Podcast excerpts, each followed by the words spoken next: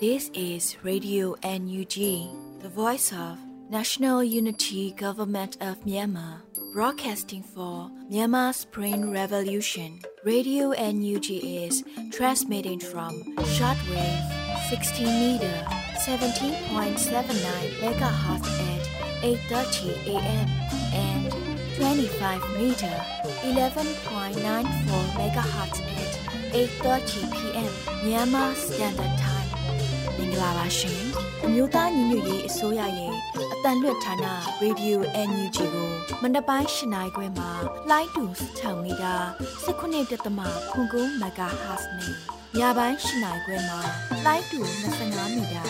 17.3ကိုလီမဂါဟတ်စ်တို့မှာဓာတ်ရိုက်ဖမ်းယူနားဆင်နိုင်ပါပြီရှင်။မင်္ဂလာအပေါင်းနဲ့ပြည့်စုံကြပါစေ။အခုချိန်ကစပြီး Radio NUG စီစဉ်လေးကိုဓာတ်ရိုက်အတန်လွှင့်ပေးနေပါပြီ မင်္ဂလာပေါင်းနဲ့ပြည့်စုံကြပါစေခင်ဗျာတောတာရှင်တော်လံပြည်သူများနဲ့မြန်မာနိုင်ငံသားအားလုံးကိုရောစိတ်ပါကြမ်းမာကြပါစေရေဒီယိုအန်ယူဂျီရဲ့ဇွန်လ၄ရက်နေ့မနေ့ပိုင်းထုတ်လွှင့်မှုတွေကိုစတင်ပါတော့မယ်ဥဆုံးအနေနဲ့ Sortes လူနေတင်ပြမဲ့ပြည်တွင်းသတင်းများကိုနားဆင်နိုင်ကြပါပြီခင်ဗျာမင်္ဂလာပါခင်ဗျာ2023ခုနှစ်ဇွန်လ၄ရက်နေ့ မနက်ခင်းပြည်တွင်းသတင်းများကိုစတင်တင်ပြပေးပါတော့မယ်ကျွန်တော်စောတဲ့လူနေပါပထမအဆုံးအနေနဲ့ယာယီသမရဒူဝါလက်ရှိလာမှစိုင်ကလုံးမော်ခမုံတိုင်းတင်ပြည်သူများထံသို့မြေပြင်ကွင်းဆင်း၍တွားရောက်ခဲ့တဲ့သတင်းကိုတင်ပြပေးသွားပါဦးမယ်ဇွန်လ3ရက်နေ့ကအမျိုးသားညီညွတ်ရေးအစိုးရယာယီသမရဒူဝါလက်ရှိလာရဲ့လူမှုကွန်ရက်စာမျက်နှာမှာအခုလိုသတင်းထုတ်ပြန်ထားပါတယ်။ အမျိုးသားညီညွတ်ရေးဆိုရာယာယီသမရဒူဝါလက်ရှိလာမှလွတ်မြောက်နေမည်တနေရာအတွင်းရှိစိုင်ကလုံးမော်ခမှုန်တိုင်းတဲ့ပြည်သူများထံသို့တွားရောက်အားပေးစကားပြောကြားခဲ့ပြီးထောက်ပံ့ငွေများလည်းပေးအပ်ခဲ့တယ်လို့ဆိုထားပါတယ်။မုံတိုင်းတဲ့ပြည်သူများထံသို့မြို့သားညီညွတ်ရေးဆိုရမှကူညီပေးမှုများကိုအရက်ဖက်ဖွဲ့စည်းများနဲ့လည်းလက်တွဲဆောင်ရွက်ပေးလျက်ရှိတယ်လို့ဆိုထားပါတယ်။လက်ရှိမှာတော့ NUG ကကျပ်ငွေပမာဏ238.8တန်းအားထောက်ပံ့ကူညီထားပြီးဖြစ်ကြောင်းသတင်းရရှိပါရခင်ဗျာ။ ဆက်လက်တင်ပြပေးမှာကတော့ဂျာကာလာဒေသန္တရပြည်သူ့အုပ်ချုပ်ရေးဖော်ဆောင်မှုဗဟိုကော်မတီအစည်းအဝေးကိုပြည်ထောင်စုဝန်ကြီးချုပ်မန်းဝင်းခိုင်တန်းတက်ရောက်ခဲ့တဲ့သတင်းပဲဖြစ်ပါတယ်။အမျိုးသားညီညွတ်ရေးဆိုရာဂျာကာလာဒေသန္တရပြည်သူ့အုပ်ချုပ်ရေးဖော်ဆောင်မှုဗဟိုကော်မတီအစည်းအဝေးအမှတ်စဉ်22မြင်းဆောင်2023ကိုဇွန်လ1ရက်နေ့နနက်10:00နာရီချိန်မှာကျင်းပခဲ့တယ်လို့သိရှိရပါတယ်။အစည်းအဝေးတွင်ဂျာကာလာဒေသန္တရပြည်သူ့အုပ်ချုပ်ရေးဖော်ဆောင်မှုဗဟိုကော်မတီဥက္ကဋ္ဌပြည်ထောင်စုဝန်ကြီးချုပ်မန်းဝင်းခိုင်တန်းမှအဖွင့်အမှာစကားပြောကြားခဲ့ပါတယ်။ ဆက်လက်ပြီးတက်ရောက်လာကြသောဂျာကာလာဒေသန္တရပြည်သူ့အုပ်ချုပ်ရေးဖော်ဆောင်မှုဘိုးကော်မတီဖွဲ့ဝင်များမှ21မြင်းဆောင်2023တွင်ချမှတ်ထားသောစုံဖြတ်ချက်ရှေ့လုပ်ငန်းစဉ်များနှင့်ပတ်သက်၍ပြည်စည်းမှုအခြေအနေများနှင့်ဆက်လက်ဆောင်ရွက်ရန်ကြံရှိနေသည့်လုပ်ငန်းစဉ်များကိုချပြရှင်းလင်းပြီးတက်ရောက်လာသောတာဝန်ရှိသူများမှအကြံတဝင့်ဆွေးနွေးခဲ့ကြပါသည်အစည်းအဝေးသို့ပြည်ထောင်စုဝန်ကြီးချုပ်မန်ဝင်းခိုင်တန်းဦးဆောင်ပြီးပြည်ထောင်စုဝန်ကြီးများဒုတိယဝန်ကြီးများအမြဲတမ်းတွင်ဝင်များဌာနဆိုင်ရာမှတာဝန်ရှိသူများတက်ရောက်ခဲ့ကြကြောင်းတင်ပြရရှိပါရခင်ဗျာ။ နိုင်ငံသားရေးဝန်ကြီးဌာနပြည်ထောင်စုဝန်ကြီးဒေါ်စင်မအောင်နဲ့မြန်မာနိုင်ငံဆိုင်ရာကုလသမဂ္ဂအထူးကိုယ်စားလှယ်ဒေါက်တာနိုလင်းဟေဇာတို့တွေ့ဆုံခဲ့တဲ့တဲ့ရင်ကိုဆက်လက်တင်ပြပေးသွားပါဦးမယ်။အဆိုပါတွေ့ဆုံမှုကိုဇွန်လ3ရက်နေ့မှာနိုင်ငံသားရေးဝန်ကြီးဌာနကအခုလိုသတင်းထုတ်ပြန်ခဲ့ပါတယ်။ အမျိုးသားညီညွတ်ရေးဆိုရာနိုင်ငံခြားရေးဝန်ကြီးဌာနပြည်ထောင်စုဝန်ကြီးဒေါ်စင်မအောင်နဲ့ကုလသမဂ္ဂအထွေထွေတွင်းမှုချုပ်၏မြန်မာနိုင်ငံဆိုင်ရာအထူးကိုယ်စားလှယ်ဒေါက်တာနိုလင်းဟေဇာတို့ဟာ2023ခုနှစ်ဇွန်လ2ရက်နေ့၌လူချင်းတွေ့ဆုံခဲ့မှုအပေါ်နိုင်ငံခြားရေးဝန်ကြီးဒေါ်စင်မအောင်ကကြိုဆိုပါတယ်လို့ဖော်ပြထားပါတယ်။ဆွေးနွေးမှုအတွင်းနိုင်ငံသားရေးဝန်ကြီးသည်ဒေါက်တာဟေဇာ၏အထူးကိုယ်စားလှယ်ဆိုင်ရာတာဝန်ဝတ္တရားများအားအဆုံးသတ်ရန်ဆုံးဖြတ်မှုကိုအတိမတ်ပြုလက်ခံကြောင်းနှင့်မြို့သားညီညွတ်ရေးဆိုရအနေဖြင့်အထူးကိုယ်စားလှယ်လုပ်ငန်းတာဝန်များနှင့်ပတ်သက်၍ ဒေါက်တာဟေဇာ၏နှိမ့်မြုပ်ဆောင်ရွက်ခဲ့မှုများကိုအတိမတ်ပြုကြောင်းထုတ်ဖော်ပြောကြားခဲ့ပါသည်ဒေါက်တာဟေဇာသည်အထူးကိုယ်စားလှယ်၏တာဝန်များကိုထမ်းဆောင်ရာတွင်မြောက်များစွာသောအတွေ့အကြုံအင်အားစိုက်ထက်မှုများဖြင့်စိတ်ပိုင်းဖြတ်မှုခိုင်းပါစွာကြိုးပမ်းဆောင်ရွက်ခဲ့တယ်လို့ဖော်ပြထားကြောင်းတင်ပြရရှိပါရခင်ဗျာဂျာကာလာဒေသနာပြည်သူ့အုပ်ချုပ်ရေးဖော်ဆောင်မှုဗဟိုကော်မတီနဲ့ရန်ကုန်တိုင်းမန္တလေးတိုင်းအေရဝတီတိုင်းလွှတ်တော်ကိုစားပြုကော်မတီများတွဲဆုံဆွေးနွေးတဲ့တဲ့ရင်ကိုဆက်လက်တင်ပြပေးသွားပါအောင်မယ်။ မြို့သားညီညွတ်ရေးဆိုရာဂျာကာလာဒေသနာပြည်သူ့အုပ်ချုပ်ရေးဖော်ဆောင်မှုဗဟိုကော်မတီနဲ့ရန်ကုန်တိုင်းမန္တလေးတိုင်းအေရဝတီတိုင်းလွှတ်တော်ကိုစားပြုကော်မတီများတွဲဆုံပွဲစည်းဝေး9မြင်းဆောင်2023ကိုဇွန်လ3ရက်နေ့မှာကျင်းပခဲ့ပါတယ်။အစည်းအဝေးမှာဂျာကာလာဒေသနာပြည်သူ့အုပ်ချုပ်ရေးဖော်ဆောင်မှုဘိုးကော်မတီအဖွဲ့ဝင်လူသားချင်းစာနာထောက်ထားရေးနဲ့ဘေးရန်ရဆိုင်ရာစီမံခန့်ခွဲရေးဝန်ကြီးဌာနပြည်ထောင်စုဝန်ကြီးဒေါက်တာဝင်းမြတ်အေးမှအဖွဲ့မှစကားပြောကြားခဲ့ပါတယ်။ ဆက်လက်ပြီးဝန်ကြီးဌာနအသီးသီးမှတာဝန်ရှိသူများနဲ့တိုင်းဒေသကြီးတည်တည်မှတာဝန်ရှိသူများကလုပ်ငန်းဆောင်ရွက်မှုများကိုရှင်းလင်းပြောကြားခဲ့ပြီးတက်ရောက်လာကြသောလွှတ်တော်ကိုစားပြုကော်မတီများမှသိရှိလိုသည့်များကိုအကြံတုံးဝင်ဆွေးနွေးမေးမြန်းခဲ့ရာတပ်ဆိုင်ရာဝန်ကြီးဌာနများမှပြန်လည်ဖြေကြားဆောင်ရွက်ခဲ့ကြပါသည်အစည်းအဝေးသို့ပြည်ထောင်စုဝန်ကြီးများဒုတိယဝန်ကြီးများအမြဲတမ်းတွင်းဝင်များဌာနဆိုင်ရာမှတာဝန်ရှိသူများရန်ကုန်တိုင်းမန္တလေးတိုင်းအေရဝတီတိုင်းလွှတ်တော်ကိုစားပြုကော်မတီဝင်များတက်ရောက်ခဲ့ကြကြောင်းတင်ပြရရှိပါရခင်ဗျာ အခုတင်ပြပေးမှာကတော့စိုင်ကလုံးမုံတိုင်းမိုခါတန်းကြောင့်ထိခိုက်ခံစားနေရတဲ့ဒေသရှိပြည်သူများအတွက် NUG ကငွေကျပ်ပမာဏ238.8တန်းအားထောက်ပံ့ကူညီထားပြီးဖြစ်တဲ့သတင်းပဲဖြစ်ပါတယ်။အဆိုပါသတင်းကိုလူသားချင်းစာနာထောက်ထားရေးနဲ့ ဘေးရန်ရဲ့ဆိုင်ရာစီမံခန့်ခွဲရေးဝန်ကြီးဌာနကဇွန်လ3ရက်နေ့မှာအသိပေးဖော်ပြခဲ့ပါတယ်။လူသားချင်းစာနာထောက်ထားရေးနဲ့ဘေးရန်ရဲ့ဆိုင်ရာစီမံခန့်ခွဲရေးဝန်ကြီးဌာနအနေနဲ့စိုင်ကလုံးမုံတိုင်းမှုခါတန်းကြောင့်ထိခိုက်ခံစားနေရတဲ့ဒေသများရှိလေဘေးသင့်ပြည်သူများအတွက်အရေးပေါ်စားနပ်ရိက္ခာအမိုးအကာစိုင်ကလုံး emergency စိုင်ကလုံး emergency preparedness kit များထောက်ပံ့ခြင်းအပါအဝင်အရေးပေါ်ကယ်ဆယ်ရေးနဲ့ပြည်내ထူထောင်ရေးလုပ်ငန်းများအတွက်မုံတိုင်းမကြောက်ရောက်မီချိန်မှစ၍2023ခုနှစ်ဇွန်လ2ရက်နေ့အထိငွေကျပ်ပမာဏ238.8တန်းအားထောက်ပံ့ကူညီထားပြီးဖြစ်တယ်လို့ဖော်ပြထားပါတယ်။တို့အပြင်ဝန်ကြီးဌာနအနေဖြင့်မုံတိုင်းတန်ကြောင့်ရခိုင်ပြည်နယ်တွင်ပျက်စီးသွားသည့်နေအိမ်16382လုံးနှင့်ချင်းပြည်နယ်တွင်ပျက်စီးသွားသည့်နေအိမ်2918လုံးအတွက်အရေးပေါ်အမိုးကထောက်ပံ့ပေးခြင်းလုပ်ငန်းများကိုလည်းဆက်လက်ကောင်ထဲပေါ်ဆောင်ရွက်လျက်ရှိကြောင်းသတင်းရရှိပါရခင်ဗျာ။အင်တာနက်မရရှိနိုင်တဲ့နေရာတွေအတွက်အထူးပညာရေးအစီအစဉ်တွေအကောင့်ထဲပေါ်နိုင်ရေးလှုံ့ဆော်နေတယ်လို့ပညာရေးဒုဝန်ကြီးဂျာထွေပန်ပြောကြားလိုက်တဲ့သတင်းကိုဆက်လက်တင်ပြပေးသွားပါဦးမယ်။ ဂျွန်လာ3ရက်နေ့စီဒီအန်ចောင်းသားចောင်းသူများလူငယ်များရဲ့ပညာရေးနဲ့ပတ်သက်ပြီး NUG ပညာရေးဒုဝန်ကြီးဂျာထွေပန်ကအခုလိုပြောကြားခဲ့ပါတယ်။ပညာရေးဝန်ကြီးဌာနပေါ်လာပြီးနောက်ပိုင်းမှာစစ်ကြွပညာရေးကိုစန့်ကျင်ပြီးပြည်သူ့အစိုးရနဲ့အတူဖက်ဒရယ်ပညာရေးလမ်းကြောင်းကိုရှောက်ချင်တဲ့ကျောင်းသူကျောင်းသားတွေတော်လှန်ရေးဘက်တော်သားတွေအတွက်ကျမတို့အချိန်ပြည့်အနေနဲ့စူးစမ်းအလုပ်လုပ်ခဲ့ကြတာဖြစ်ပါတယ်။ ဥပမာအားဖြင့်2023မှာကျင်းပတဲ့အခြေခံပညာပြီးဆုံးကျောင်းစာမေးပွဲ BECA ဟာ CDN ကျောင်းသားများနဲ့ PDF များအတွက်အထူးတည်တံ့ဦးစားပေးကျင်းပခဲ့တဲ့စာမေးပွဲဖြစ်ပါတယ်။အခြားပညာရေးအစီအစဉ်များလည်းအကောင့်ထဲပေါ်ဆောင်ရွက်နေတာတွေရှိပါတယ်။ဆက်လက်ပြီးလည်းပညာရေးအစီအစဉ်တွေအခွင့်အလမ်းတွေတမွေးပညာနဲ့အလောက်ကိုင်းခွင့်လန်းတွေကိုလည်းအကောင့်ထဲပေါ်ဆောင်ရွက်သွားအောင်မှာဖြစ်ပါတယ်။ အင်တာနက်မရနိုင်တဲ့နေရာတွေအတွက်အထူးပညာရေးအစီအစဉ်တွေအကောင့်ထဲပေါ်နိုင်ရေးအတွက်စ조사ဆောင်ရွက်နေပါတယ်လို့ဆိုထားပါတယ်။လက်ရှိမှာအဆင့်မြင့်ပညာကျောင်းတွေဖွင့်လှစ်လက်ခံနေပြီးယူကရိန်းစစ်ပွဲမှာဆရာတွေနဲ့ကျောင်းသားကျောင်းသူတွေဟာရှေ့တန်းစစ်မျက်နှာမှာစစ်တိုက်ရင်းပညာသင်ယူနေကြတဲ့ဖြစ်စဉ်ရှိပြီးအင်တာနက်ရှိ၍အကောင့်ထဲပေါ်မှုလွယ်ကူကြောင်းလဲဒုဝင်ကြီးကသုံးသပ်ဆိုထားကြောင်းတင်ရရှိပါရခင်ဗျာ။ အခုတင်ပြပေးမယ့်သတင်းကတော့စကိုင်းတိုင်းအတွင်းမှာရှိတဲ့ပြည်သူ့ကာကွယ်ရေးတပ်မတော် PDF တပ်ရင်းများကိုကာကွယ်ရေးဝန်ကြီးဌာနကလက်နက်တပ်ဆင်ပေးနေပြီဖြစ်တဲ့သတင်းပဲဖြစ်ပါတယ်။2023ခုနှစ်မေလမှာစကိုင်းတိုင်းတွင်ရှိပြည်သူ့ကာကွယ်ရေးတပ်မတော် PDF တပ်ရင်းများကိုကာကွယ်ရေးဝန်ကြီးဌာနကလက်နက်တပ်ဆင်ပေးနေပြီလို့အမျိုးသားညီညွတ်ရေးဆိုရာကာကွယ်ရေးဝန်ကြီးဌာနကဇွန်လ3ရက်နေ့မှာတရုံဝင်အသိပေးဖော်ပြထားပါတယ်။ အမျိုးသားညီညွတ်ရေးဆိုရာကာကွယ်ရေးဝန်ကြီးဌာနအနေဖြင့်ပြည်သူ့ကာကွယ်ရေးတပ်မတော် PDF တပ်ရင်းများနဲ့စစ်ကြောင်းများကိုမဟာဗျူဟာနှင့်အညီတဆင့်ချင်းလက်နက်တပ်ဆင်ပေးလျက်ရှိကြောင်းကာကွယ်ရေးဝန်ကြီးဌာနကဆိုထားပါတယ်။မေလ30ရက်နေ့မှာရင်းမပင်ခရိုင်တပ်ရင်း28အတွက်လက်နက်ပါရီ9လက် G900 ဘောက်အပို10ခုကိုပေးအပ်ခဲ့ပြီးဂျွန်လ1ရက်နေ့မှာရင်းမပင်ခရိုင်တပ်ရင်း19ပလဲဂျိုက PDF အားတနက်9လက် G ဘောက်15ပေါက်နဲ့ G900 ကိုရင်းဆောင်အဖြစ်တက်ဆင်ပေးအပ်ခဲ့ကြောင်းသတင်းရရှိပါရခင်ဗျာ။ ပြည်သူ့ခုခံတွန်းလှန်စစ်နှစ်နှစ်တာအတွင်းရန်ကုန်တိုင်းစစ်ဒေသခွဲ၌စစ်စင်ရေးပေါင်း2000ကျော်ကိုဆင်နွှဲရာမှအကြမ်းဖက်စစ်ကောင်စီမှဗိုလ်မှူးကြီးများအဆင့်များအပါအဝင်တေဆုံးမှု600ကျော်ရှိခဲ့တဲ့တဲ့ရင်ကိုဆက်လက်တင်ပြပေးသွားပါမယ်။အဆိုပါတဲ့ရင်ကိုရန်ကုန်တိုင်းစစ်ဒေသဌာနခွဲချုပ်တရင်9131ကဇွန်လ3ရက်နေ့မှာအခုလိုတည်ပေးဖော်ပြထားပါတယ်။ 2021ခုနှစ်မေလ9ရက်နေ့မှ2023ခုနှစ်မေလ31ရက်နေ့ထိပြည်သူ့ခုခံတွန်းလှန်စစ်နှစ်နှစ်တာကာလအတွင်းရန်ကုန်တိုင်းစစ်ဒေသခွဲ၌အထူးစစ်စင်ရေးအဖွဲ့ SOF Special Task Force STF ပြည်သူ့ကာကွယ်ရေးတပ်ဖွဲ့ပကဖမြို့ပြပျောက်ကြားတပ်ဖွဲ့များနဲ့အခြားသောတော်လှန်ရေးအင်အားစုများမှမြို့ပြစစ်စင်ရေးပေါင်း2000ကျော်ကိုဆောင်ရွက်နိုင်ခဲ့တယ်လို့ဖော်ပြထားပါတယ်။အဆိုပါစစ်စင်ရေးများတွင်ရန်သူကျန်းဖက်စစ်ကောင်စီမှဗိုလ်မှူးကြီးစစ်များပါဝင်တေဆုံးမှု600ကျော်ထိခိုက်ဒဏ်ရာရရှိမှု900ကျော်ရှိခဲ့ပါတယ်။ စစ်စင်ရေးတွင်မတော်တဆထိခိုက်မှုများအကြမ်းဖက်စစ်ကောင်စီဖမ်းဆီးနှိပ်စက်မှုများကြောင့်တော်လိုင်းရဲဘော်များကြာဆုံးရဲဘော်80ကျော်ထိခိုက်ဒဏ်ရာရရှိသူ100ခန့်နဲ့ဖမ်းဆီးထိန်းသိမ်းခြင်းခံရသူ1000ကျော်ရှိခဲ့တယ်လို့ဆိုထားပါတယ်။စ ဆောင်ရွက်ခဲ့သည့်စစ်စင်ရေးများမှာစစ်ရေးပြစ်မှတ်1000ကျော်အုပ်ချုပ်ရေးပြစ်မှတ်800ကျော်နဲ့စီးပွားရေးပြစ်မှတ်200ကျော်ပါဝင်ပြီး၎င်းပြစ်မှတ်များကိုအထူးစစ်စင်ရေးလှုပ်ရှားမှုအကြိမ်ရေ90ခန်းပြစ်ခတ်တိုက်ခိုက်မှုအကြိမ်ရေ900ကျော်ခန့်နဲ့ဖောက်ခွဲတိုက်ခိုက်မှုပေါင်း1500ကျော်တို့ဖြင့်တိုက်ခတ်ခဲ့ခြင်းဖြစ်ကြောင်းသိရှိထားရပါတယ်။ရန်ကုန်တိုင်းစစ်ဒေသခွဲနေဖြင့်ပြည်သူ့ကာကွယ်ရေးတပ်မတော်ရန်ကုန်တိုင်းစစ်ဒေသခွဲ၏ပထမဆုံးတရင်ဖြစ်သည်တရင်9131ကိုလည်းဖွဲ့စည်းပြီးဖြစ်သည့်အတွက်မြို့ပြပျောက်ကြားစစ်စင်ရေးများနဲ့တော်ရင်းကျေးလက်စစ်စင်ရေးများကိုနီးပြူဟာကြကြဟန်ချက်ညီစွာပေါင်းဆက်ရတိုက်ပွဲများဖော်ဆောင်သွားမည်ဖြစ်ကြောင်းသတင်းရရှိပါရခင်ဗျာ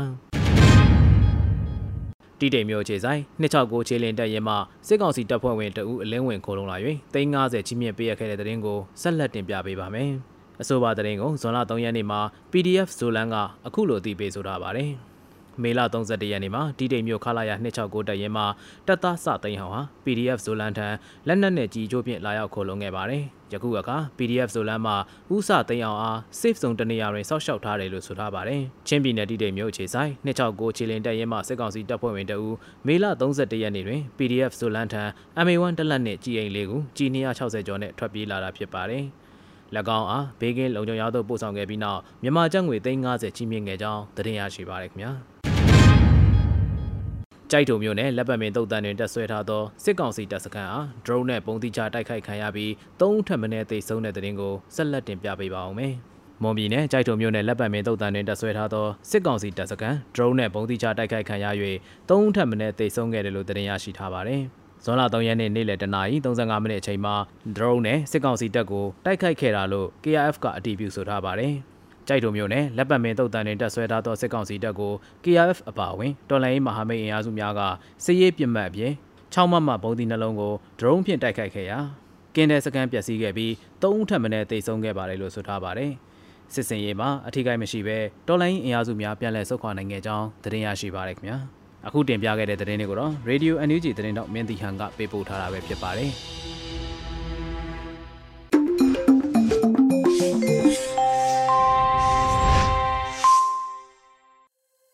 တောတာရှင်များခင်ဗျာပြည်တွင်းသတင်းများကိုနားဆင်လို့အပြီးမှာတော့တော်လန်ကဗျာတစ်ပုဒ်ကိုထုတ်လွှင့်ဖို့စီစဉ်ထားပါတယ်။ဇာနီကရေးသားပြီးလွတ်လပ်ຫນွေဥကခန်းစားရွတ်ဖတ်မယ်။ပန်းတချင်းနဲ့လွမ်းချင်းဧကများစွာလို့အမည်ရတဲ့တော်လန်ကဗျာကို နားဆင်ရပါတော့မယ်ခင်ဗျာ။ပန်းတချင်းနဲ့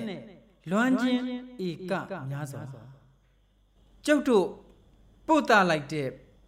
ပန်းတချင်းမှာလွမ်းခြင်းဧကပေါင်းများစွာ ရှိတယ်ဆိုတာ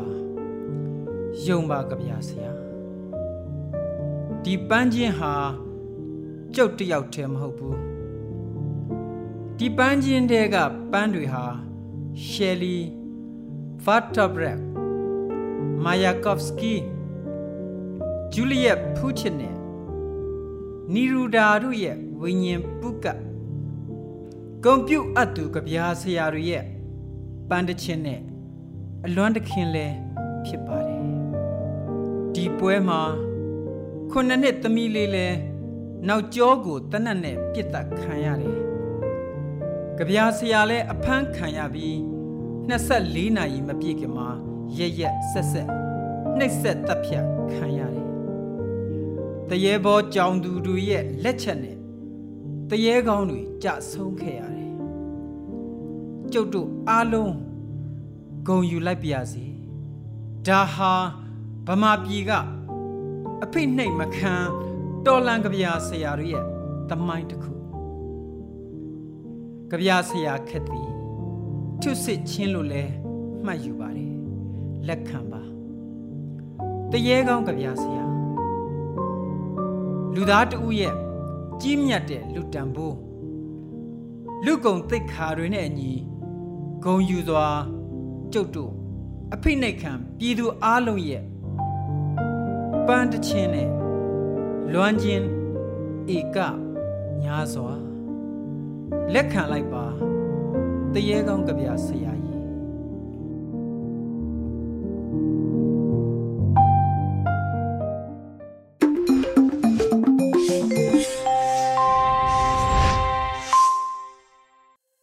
ရေဒီယိုအန်ယူဂျီကဆက်လက်အတန်းလွှင့်နေပါတယ်။အခုတပန်အလှည့်ကျနားဆင်ရမှာကတော့မိုးမခဆောင်းပါတစ်ပုတ်ဖြစ်ပါတယ်။ຫນွေဦးတော်လန်ကြီးရဲ့မြင်ကွင်းတွေနဲ့အနာဂတ်ကိုမျှော်ကြည့်တဲ့အခါဆိုတဲ့ဒီဆောင်းပါကို ຫນွေဦးမွန်ကဖတ်ကြားတင်ပြထားပါတယ်ခင်ဗျာ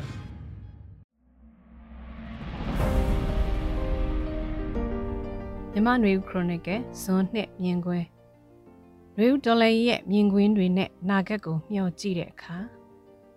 တရက်ဒါသတင်းတွေဖတ်ကြည့်ရင်တိုက်ပွဲဖြစ်ပွားပြီးစစ်ကောင်စီဘက်ကဘလောက်သေးဆုံးတယ် PDF ဒါမှမဟုတ်တိုင်းသားလက်နက်ကိုင်အဖွဲ့ဘက်ကဘယ်နှယောက်သေဆုံးတယ်ဒေသခံအရက်သားဘယ်နှဦးသေဆုံးထိခိုက်ဒဏ်ရာရတယ်ဆိုတဲ့သတင်း မြန်မာနိုင်ငံအထက်ပိုင်းစကိုင်းနဲ့အချို့ဒေသတွေကကြေးရွာတွေကလူနေအိမ်တွေမီးရှို့ဖျက်ဆီးခံရတဲ့တဲ့အရက်သားဘယ်နှဦးဖမ်းဆီးခံရတယ်ဆိုတဲ့သတင်းတွေကနေ့စဉ်အများဆုံးဖတ်ရှုရတဲ့သတင်းတွေဖြစ်ပါတယ်ဒုတိယမြောက်အများဆုံးဖတ်ရှုရတဲ့သတင်းကတော့ဘဲမြို့မှာဘဲရွာမှာရက်ကြီးအုပ်ချုပ်ရေးမှုပြူစောတိသတင်းပေးဒလန်စစ်မှုတန်းဟောင်းစီရီယမ်မလုပ်တဲ့ဝန်ထမ်းကြန့်ခိုင်ပါတီဝင်မဘာတမျိုးသားရေးတက်ကြွလှုပ်ရှားသူစတဲ့သူတွေ လုံကျန်တက်ဖြတ်ခံရတဲ့သတင်းဖြစ်ပါတယ်။ဒီသတင်းတွေနဲ့အတူနိုင်ငံရေးယုံကြည်မှုရထောက်ခံမှုရစစ်ကောင်စီကိုစန့်ကျင်သူတွေကို၎င်းတို့ရဲ့ social media မှာရေးသားမှုတွေကိုစောင့်ကြည့်ပြီးစစ်ကောင်စီရဲ့ဖမ်းဆီးမှုသတင်းတွေဖြစ်ပါတယ်။ social media မှာရေးသားသူတွေဖမ်းဆီးခံရတဲ့သတင်းနဲ့အလားတူမျိုးပြပျောက်ကြားအဖွဲ့ဝင်တွေကစစ်ကောင်စီကဖမ်းဆီးရမိတဲ့ဆိုတဲ့သတင်းတွေလည်းမကြမကြဖော်ပြလေရှိပြီးပြည်ရန်စီရင်ခံရတဲ့သတင်းတွေလည်းဖော်ပြလေရှိတာတွေ့ရပါတယ်။ ဒီအကြောင်းအရာနှစ်ခုပြင်သတင်းတွေထဲမကြခဏပါရှိတာကတော့ဗန်နဲ့ရွှေဆိုင်လက်ကင်ဖုန်းဆိုင်ဓမြတိုက်တဲ့သတင်း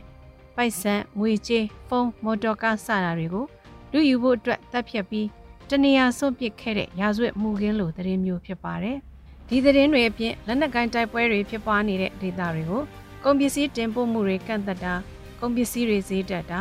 တဘာဝဘေးအန္တရာယ်ကြောင့်စိုက်ပျိုးသီးနှံတွေပျက်စီးဆုံးရှုံးတဲ့သတင်းတွေဖြစ်ပါတယ်။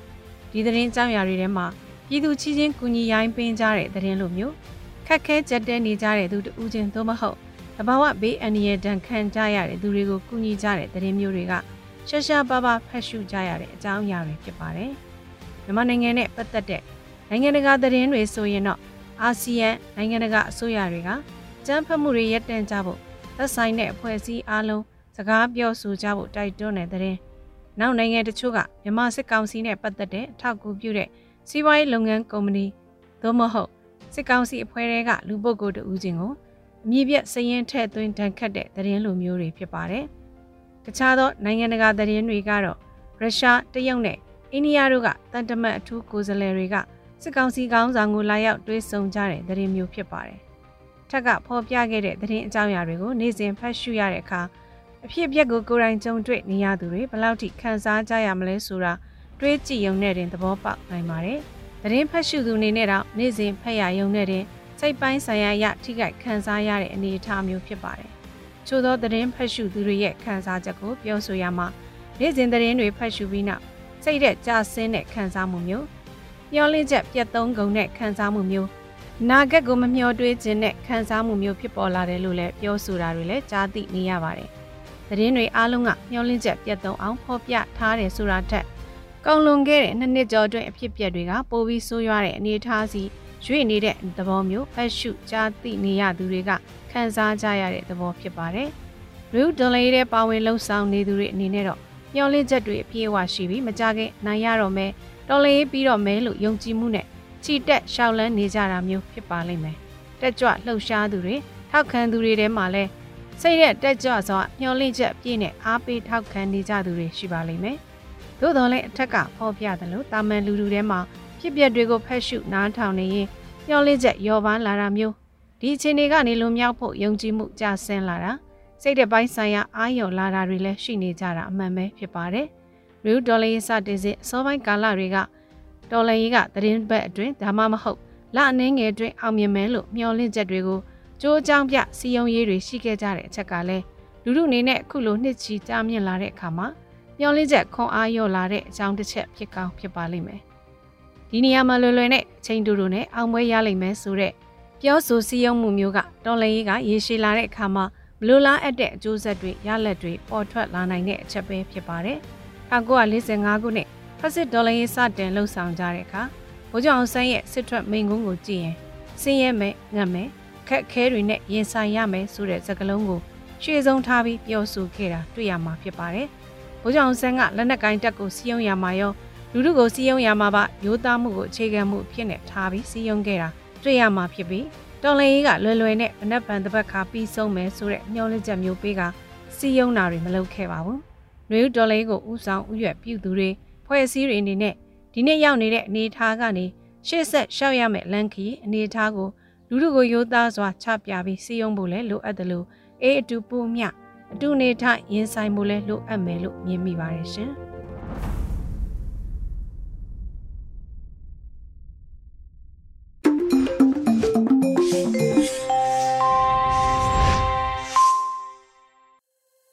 ဇွန်လ၄ရက်နေ့ရေဒီယိုအန်ယူဂျီရဲ့မနေ့ပိုင်းထုတ်လွှင့်မှုတွေကိုနားဆင်နေကြတာပါအခုတခါမှာတော့ PPTV ရဲ့နေ့စဉ်သတင်းများကို ထက်ထက်အိန္ဒရာအောင်ကတင်ပြဥမှာဖြစ်ပါတယ်ခင်ဗျာ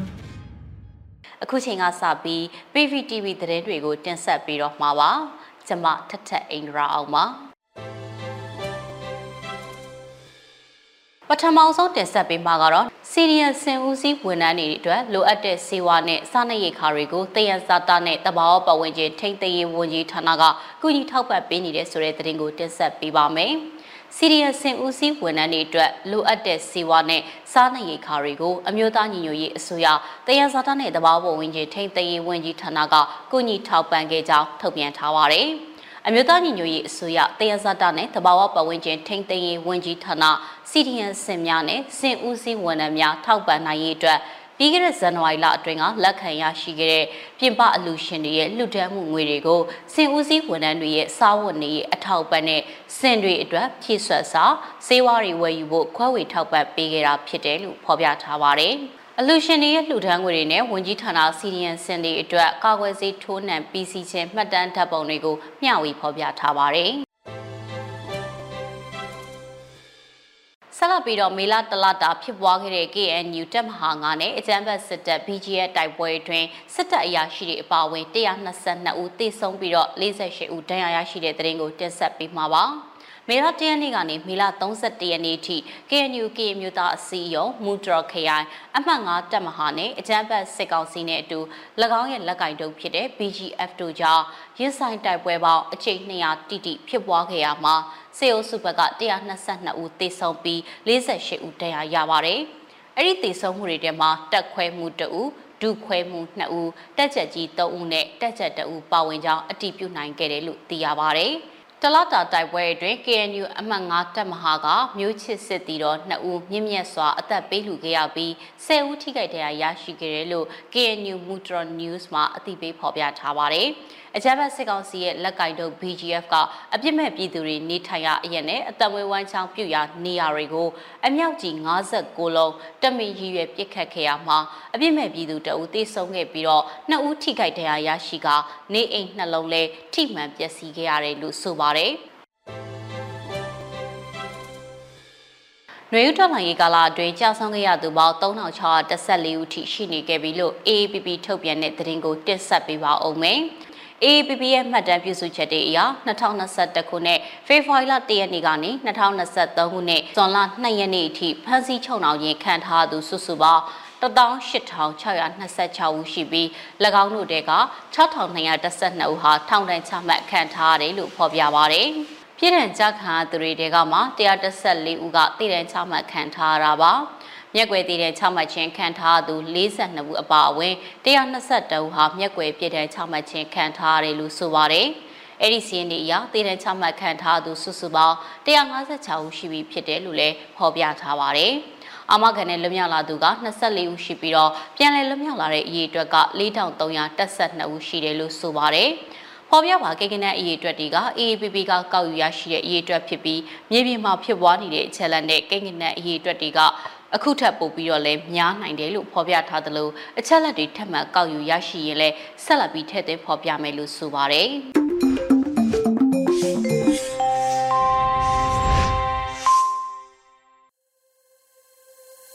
တောတာရှင်များခင်ဗျာဇွန်လ၄ရက်နေ့မနေ့ပိုင်းမှာနားဆင်ရမယ်တိုင်းရင်းသားဘာသာအစီအစဉ်ထုတ်လွှင့်မှုအချိန်ကြာရောက်လာပါပြီ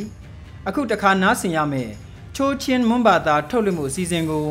ရေဒီယိုအန်ယူဂျီနဲ့ချိုးချင်းဘာသာထုတ်လွှင့်မှုအဖွဲ့တို့ကပူးပေါင်းပြီးစီစဉ်တင်ဆက်ထားတာဖြစ်ပါတယ်ခင်ဗျာ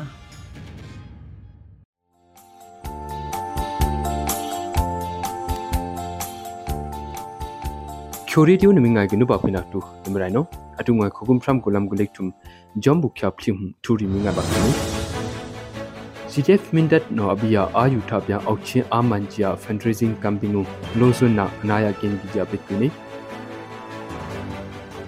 ahina le ju atupya ta botuba kia se he ko ra kambum tuma akya lo bya CTF Mindat no pomsin na opija bitini အထုံနာရီကျူမင်တတ်မာရောခလာယာနှစ်ခွန်ရင်ကအငိဝိနာကအမင်းပိုင်စနိုက်ပါနောကျူစီအစနာအပီဂျမောဖိမငိုင်ပါအခုနီအဖလိနာလီကျူကြောက်ထူခိုရင်ရဲပြီးတော့အင်္ဂရိစီတန်ကနောပြီးတော့ဝန်မီယမ်ချီကီဂျမောအတုငွေရှင်ကနောငါခိုင်နီ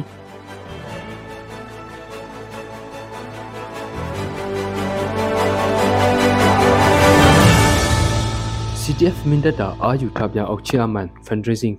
Campaign Longso na anaya gengi japit kuni main hokya shalik ko hum amituna ashina fundraising campaign le ju khyo chho khai kene ngui tom kap phyam hakim amira baya ami bu nak chop kini ashina fundraising pomzin naka khong hum sa lo sho lo si aluk ma ra phajiya ajinung ka angwai rino prekuni khogum sham kulam kulek thumung nibbe ne khungsek pi kya เซก็รักกังบุมตุมาดำดีวาจียซีเดฟมินตันโนအပရင်နာပရီအမ်နေလုံစွနာဝယုံချုံဖီအမိဘုံနကကောမဒီတမတန်ဘုံဘာအမိပေပါဂျီယာမင်းဟုတ်ချာဂုလိခရဟုံအမိပရင်နာအော့ကိနေဆေကောရာကံဘုံချူပပီကီယာအန်ဘုံတမတ်အကြောလောပယပ်ဒွန်းနေမထ ோம் ထိုင်းနေပုံစင်လောနာရီအော့ကီဂျာစီတက်မင်တနိုမင်းဟုတ်ချမ်ဂုလိခရဟုံပရက်ကိနေခဂုံဖရမ်ကုလမ်ဂုလိထုံခဂုပ်ထိုင်ယုံ ခုံဟုခရနူရေနေအမေပရင်နာကုံအချွနာအမဟပ်ဝေကြပစ်ကိနေဆဲကောရာကမ်ဥမ်လေကျူဘပီကရဥပရိကထိုင်ရီအန်ဘိုင်ရီဂျုံဖီအမေထုံထိုင်နာအော့ကိကြမင်းဟုတ်ချမ်ကုလက်ခရဟုအမေပရင်နာကုံအော့ကိနေအရှိနာစီဒက်မင်တလေကျူဘဘာပီကရဆဲကောရာကမ်ဥမ်တမအကြလောဝိုင်ဖွာခုကရုံလာခုပုံအော့ကနုပါဖွိနာရီယဘေတာနာဂျုံဖီအက်ဒမက်ဒါအထုနာအော့ကိကြပစ်ကွီနေဆဲကောနေအန်ဂရစီမာနေရာလောနာကီယာ minta mangrong ni chu atuba khrita ctf minta la angri siang la kong anghup to si kanari omkini minta mangrong opkya khala ya ni khunling ka ahi binaka aming vai pumhu su thep pain to le ju sniper no khu si suk ki ja pret kwini main hu kya thum ki ble hu makoi kho ya angri sila se ko ra kang bumri aming ka na kung achuna akhu ja pret kwini မင်တလမကွေခုံးလေကျူမင်းဟုတ်ချာအမ်ဘရီလောထုံကနော်ဒီနေအင်္ဂရိစီလာ CTF Mindat the Youth Force CTF Kamblet CTF Medubi se ko ra kang um riang lagong ang hup to si min ka na opkini adu be shina khong hum sha lo sho lo kya min ka na ung ni ju ang kriswing ka thumata dum dwa ki sine se ko ra kang um ka tuman no ang nuya alim na opki ja prit ni bribrika min thok kya thum ki ble hu chum phi ang kriswino akana phwa min da mang ro bung tong om kia dawa dai tumang kyu ni min da mang ro la madu bi mang ro yung ရစီမီရီချောက်ထောက်ရှုစီကလဘာကြံခကြီးပရစ်ကွီနီမင်တလမကွေခုနင်းလငော့ပြရင်ရပီရောအင်္ဂရိစီချောင်စုထုံကိပလောနောပီရောအဝန်မီယမ်ခိနာအပီဂျာပရစ်ကွီနီမင်းဟုတ်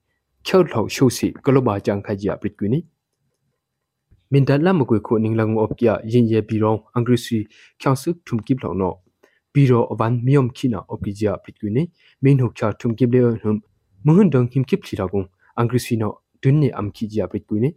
မင်းဟုတ်ချာအမ်ဘရီလောထူယုံမင်တလမကွေခုနင်းလကုံအင်္ဂရိစီလာဆေကောရာကမ်ဥမ်ရီယံလကုံဂျုံပီအန်ဟုပ်တိုစီမင်ကာနာအော့ကိနီအရှင်နာမင်ကာနာငုံလေဂျူအင်္ဂရိစီတန်ကာစိနာဒုံနေ se he ko ra kam um deng ka tuman no lim ki ja prit kuni min hu kya thum ki ble hum min da mang ro angri si deng no ka na phua chase me tawak tung jum phi anglan na ok ja min da mang ro mang ro u na tung ka no prit kini angri si no akana ka phodi kya ajuna chase me li ju pyam tham na shong hing gi ke ne min da mang ro la matu bi mang ro yunga chase me ချုပ်လောက်ကလဘာကြံခါကြီးပြီအမေပြန်နာနိငမ်တင်ဒရီနေအဒုံဝံထုမငါလီကျရှင်ဘုံရခါနီ คิวคงนมอบกะคิวซักขันบันอายทีซีนาองไอนารีอายูไมเนนมิบุมขดนมิเจงนโซจิยชิงกันอบเรนทนี่นุบาฟินาบันไรเนอมบ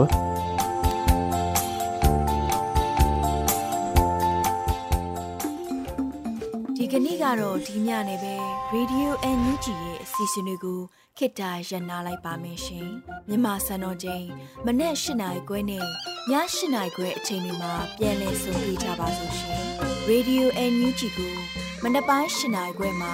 လိုင်းတူ16မီတာ19.7 MHz နဲ့ညပိုင်း၈နိုင်ခွဲမှာလိုင်းတူ25မီတာ17.6 MHz တို့မှာဓာတ်ရိုက်ဖမ်းယူနားဆင်နိုင်ပါပြီရှင်။ မြန်မာနိုင်ငံသူနိုင်ငံသားများကိုစိတ်နှဖျားစမ်းမချမ်းသာလို့ဘေးကင်းလုံခြုံကြပါစေလို့ Radio NUG ရဲ့ဖွဲ့သူဖွဲ့သားများကဆုတောင်းလိုက်ရပါတယ်။ San Francisco Bay Area အခြေဆိုင်မြန်မာမိသားစုများနဲ့နိုင်ငံတကာကစေတနာရှင်များလို့အားပေးများရဲ့ Radio NUG ဖြစ်ပါတယ်ရှင်။အရေးတော်ပုံအောင်ရမည်